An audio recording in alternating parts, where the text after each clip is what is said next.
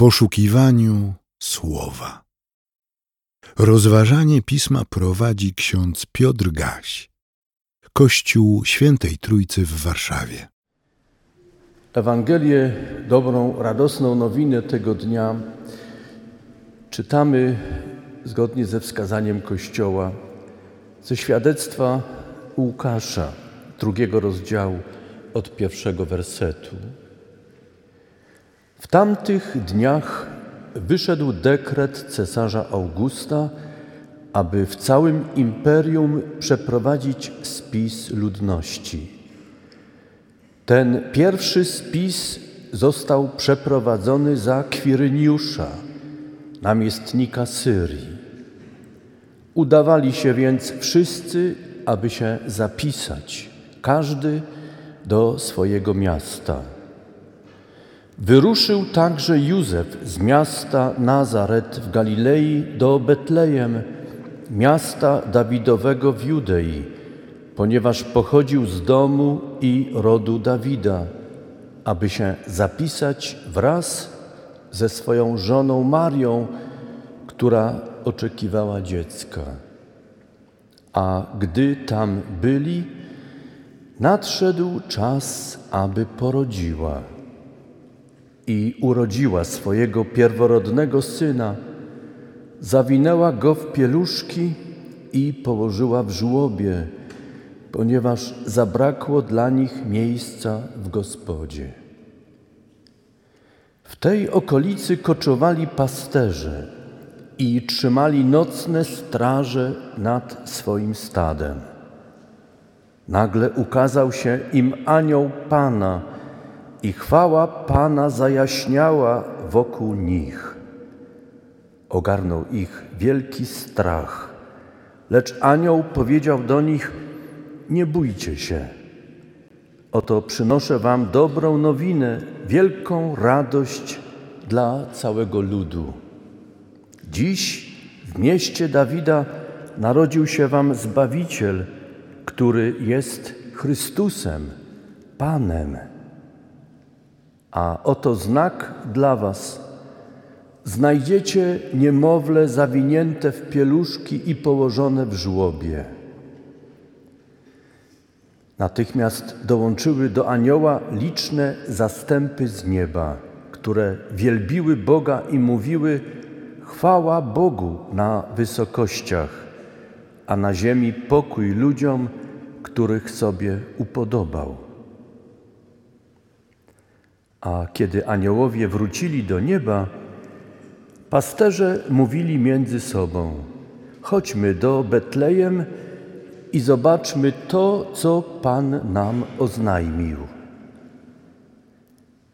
Niezwłocznie poszli i znaleźli Marię, Józefa i niemowlę położone w żłobie.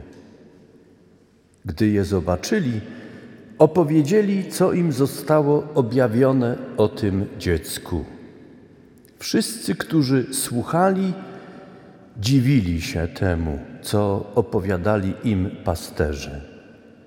A Maria zachowywała wszystkie te słowa i rozważała je w swoim sercu. Pasterze natomiast wrócili, wielbiąc i wysławiając Boga za wszystko, co usłyszeli i zobaczyli, jak zostało im powiedziane.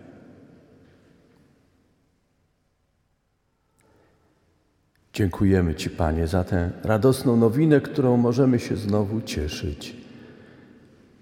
W liturgii dzisiejszej odnawiać o niej pamięć. Ale potrzebujemy Twego ducha, tak jak mówi o tym apostoł. Potrzebujemy, abyś Ty znowu, będąc w nas, odnowił nas wewnętrznie, byśmy dostrzegli w Ciebie Boga, który jest już nie tylko nad nami nie tylko z nami, ale także w nas.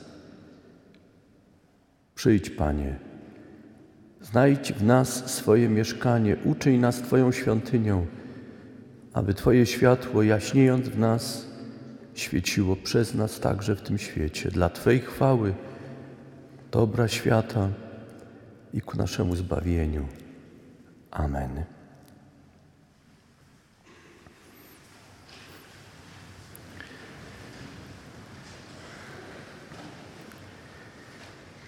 Siostry i bracia w Chrystusie, usłyszeliśmy trzy czytania z księgi Izajasza, proroctwo zapowiadające przyjście Pana, światłości, objawienie wielkości i mocy Boga, złamanie wszystkiego, co jest przeciwko Bogu i ustanowienie nowego porządku w tym świecie.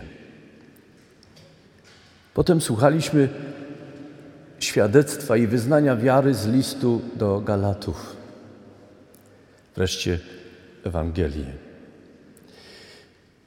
Ci, którzy interesują się chronologią powstania ksiąg biblijnych, wiedzą, że dzisiejsze czytania zostały ogłoszone dokładnie w kolejności chronologicznej.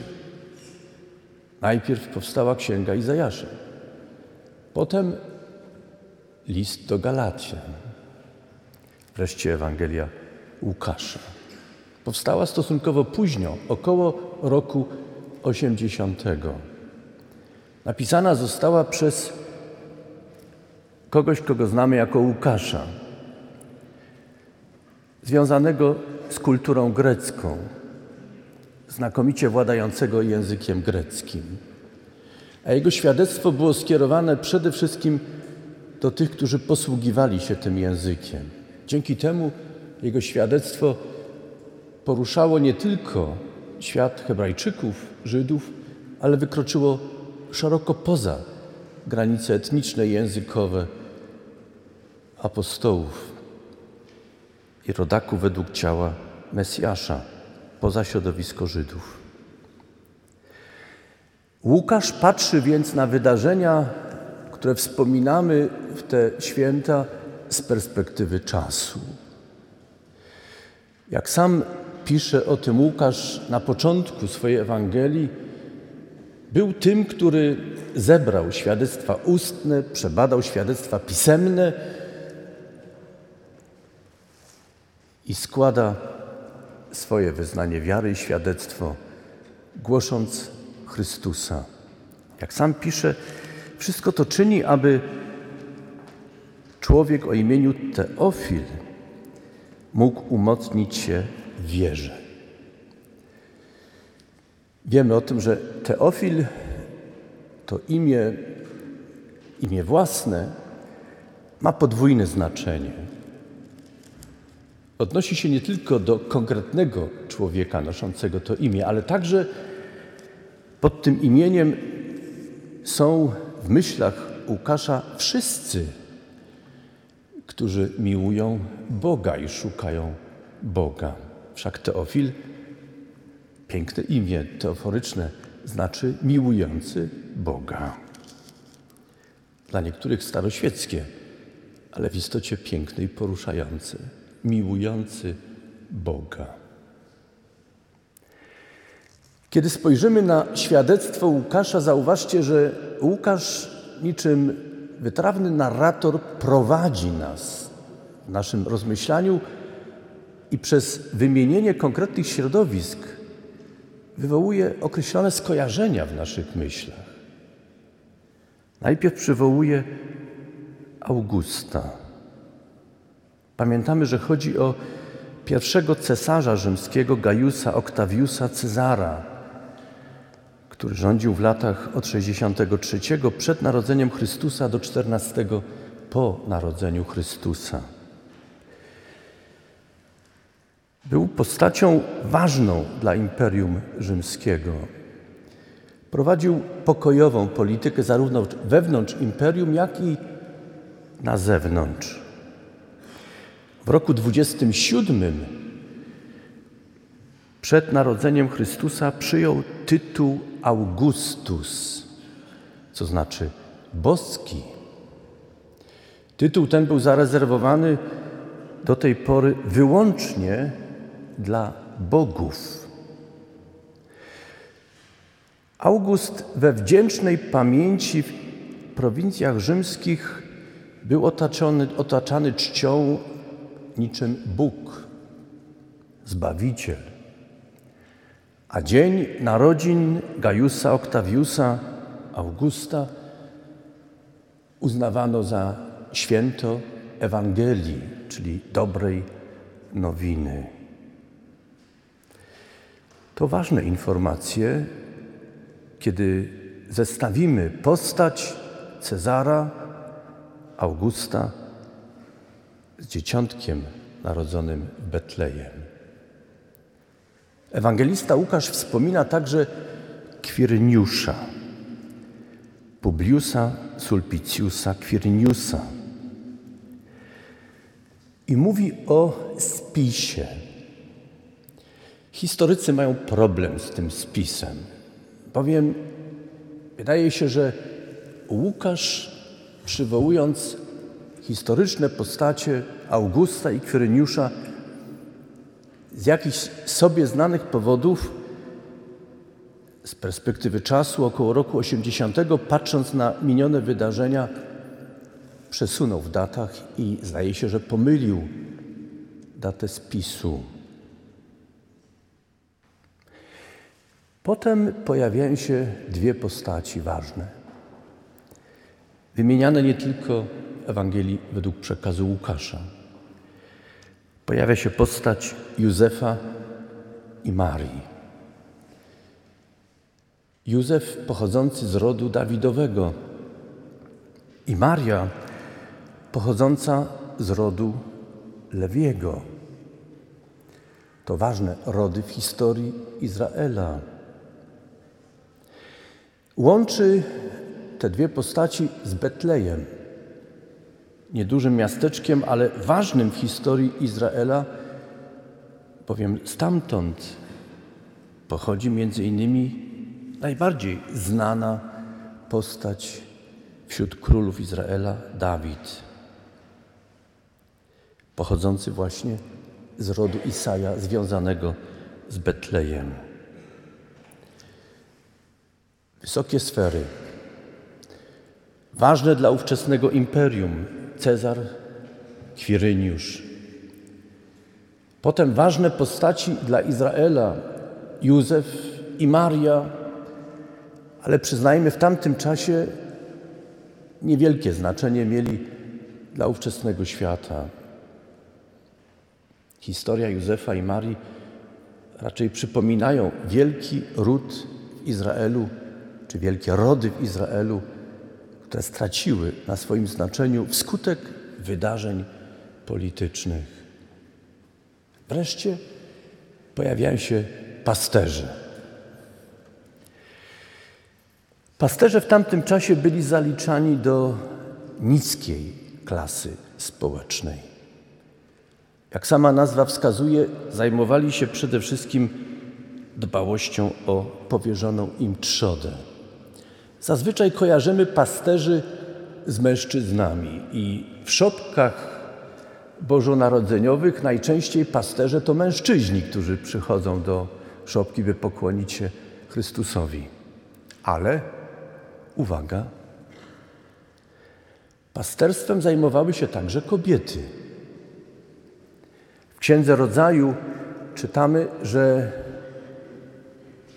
ważna postać historii Izraela, mianowicie Rachel, żona Jakuba, wnuka Abrahama i syna Izaaka, była pasterką. Tak spotkała swojego męża Jakuba, zajmując się pasterstwem. W tradycji starotestamentalnej, a potem w nowotestamentalnej, pasterze metaforycznie byli utożsamiani także z przywódcami, z władcami, a nawet z Bogiem. Tak jak pasterz troszczy się o swoją trzodę, dba o nią, broni jej, tak Bóg dba o swój lud. A przywódcy powinni dbać o powierzone im ludy świata. Wreszcie pojawiają się w relacji Łukaszowej aniołowie. Najpierw jeden, potem zastępy anielskie. Ciekawe, że w tekście greckim Ewangelii Łukasza, tam gdzie jest mowa o zastępach aniołów, pojawia się określenie z języka wojskowego, militarnego. To było wojsko anielskie. Ale pojawiają się nie z bronią i nie po to, by walczyć. Ich buty nie skrzypią, a ich obecność nie wiąże się z przelewem krwi. Ich pojawienie się zwiastuje radość i pokój. Nie wchodzą w ten świat, by siać strach. Przychodzą, by pocieszać, by zwiastować radość i pokój. Siostry i bracia w Chrystusie,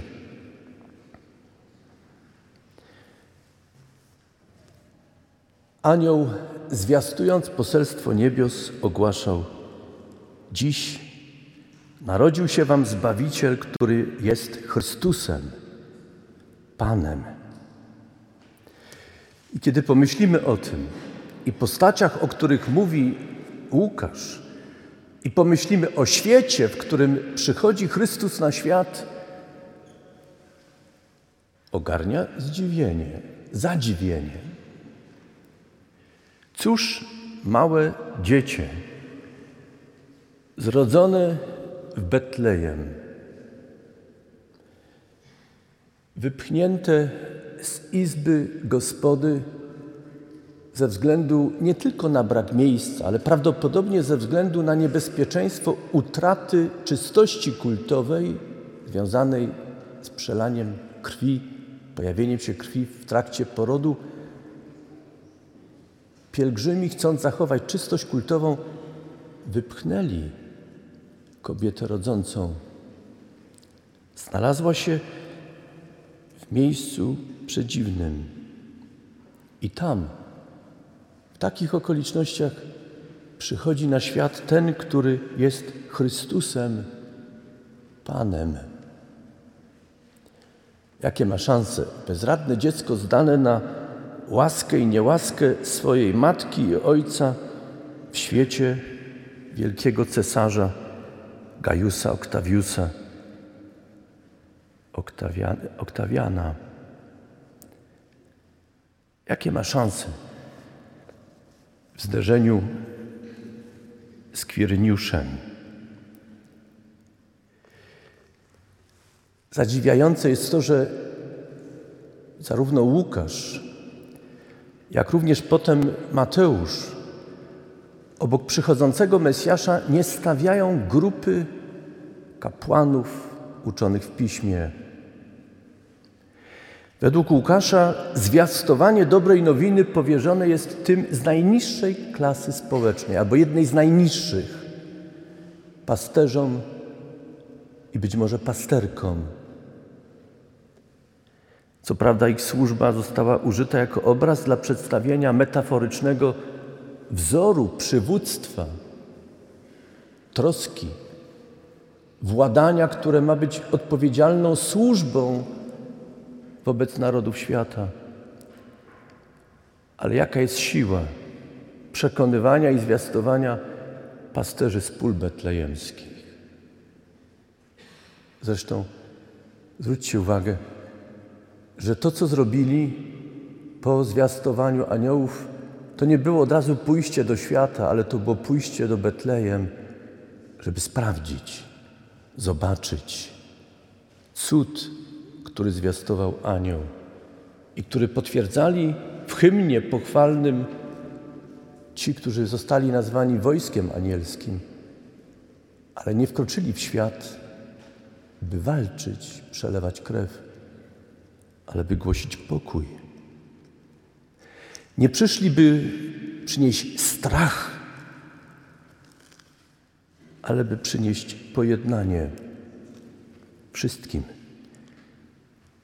począwszy od Cezara Augusta, poprzez Kwiryniusza, Józefa, Marię, samych pasterzy i każdego człowieka w tym świecie.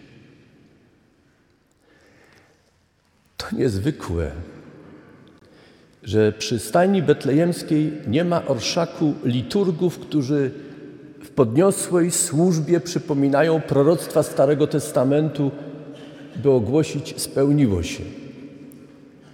Radosna nowina włożona jest w usta pasterzy. I zauważcie, także Marii, jednej z najwspanialszych postaci całej Biblii, także jej zwiastują dobrą nowinę pasterze. Szokujące.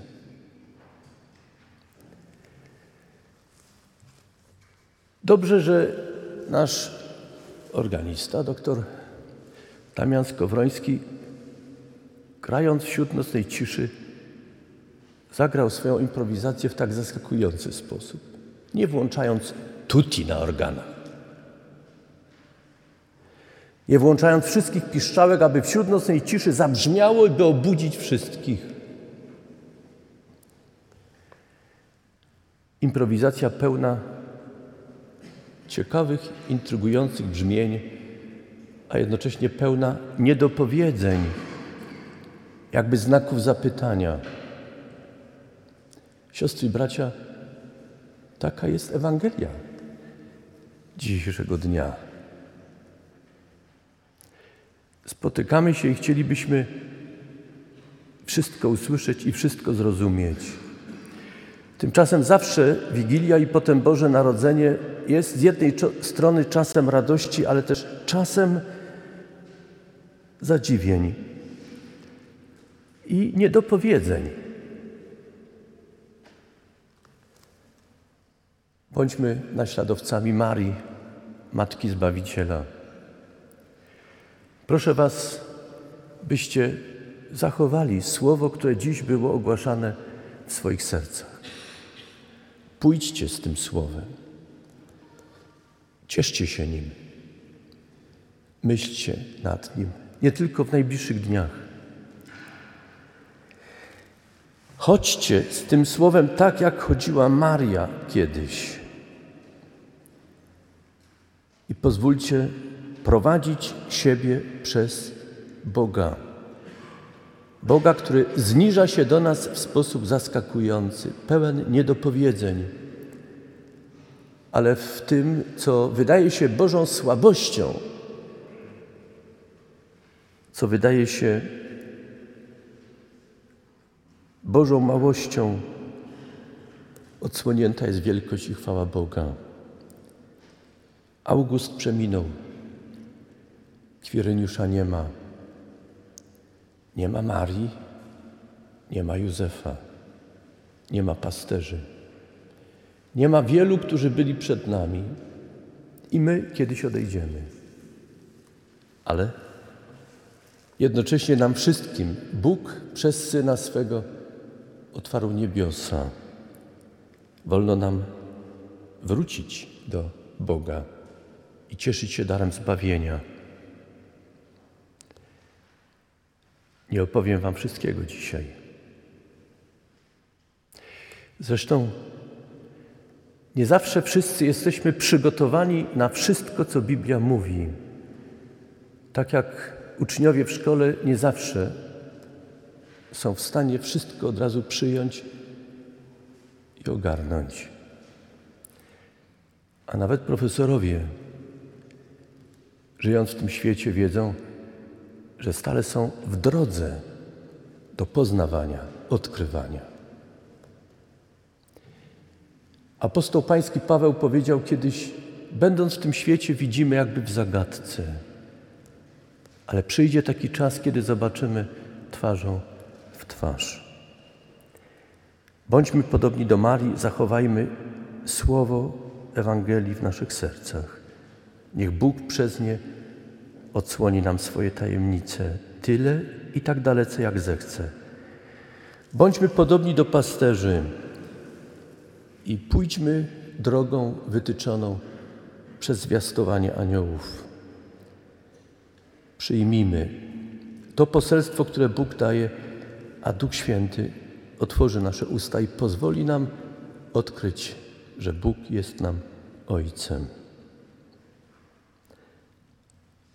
Niech Bóg łaskawy rozraduje nas wszystkich słowem swoim. Niech będzie z tymi, którzy czują się mali i słabi. Niech będzie z tymi, którzy czują się wielcy i samowystarczalni. Niech każdy i każdemu z nas Bóg da i pokaże to, czego potrzebujemy. Niech uczyni to w swojej miłości. On, który jest pasterzem i arcypasterzem nas wszystkich. Amen. Przyjmijcie pokój, słowo pokoju.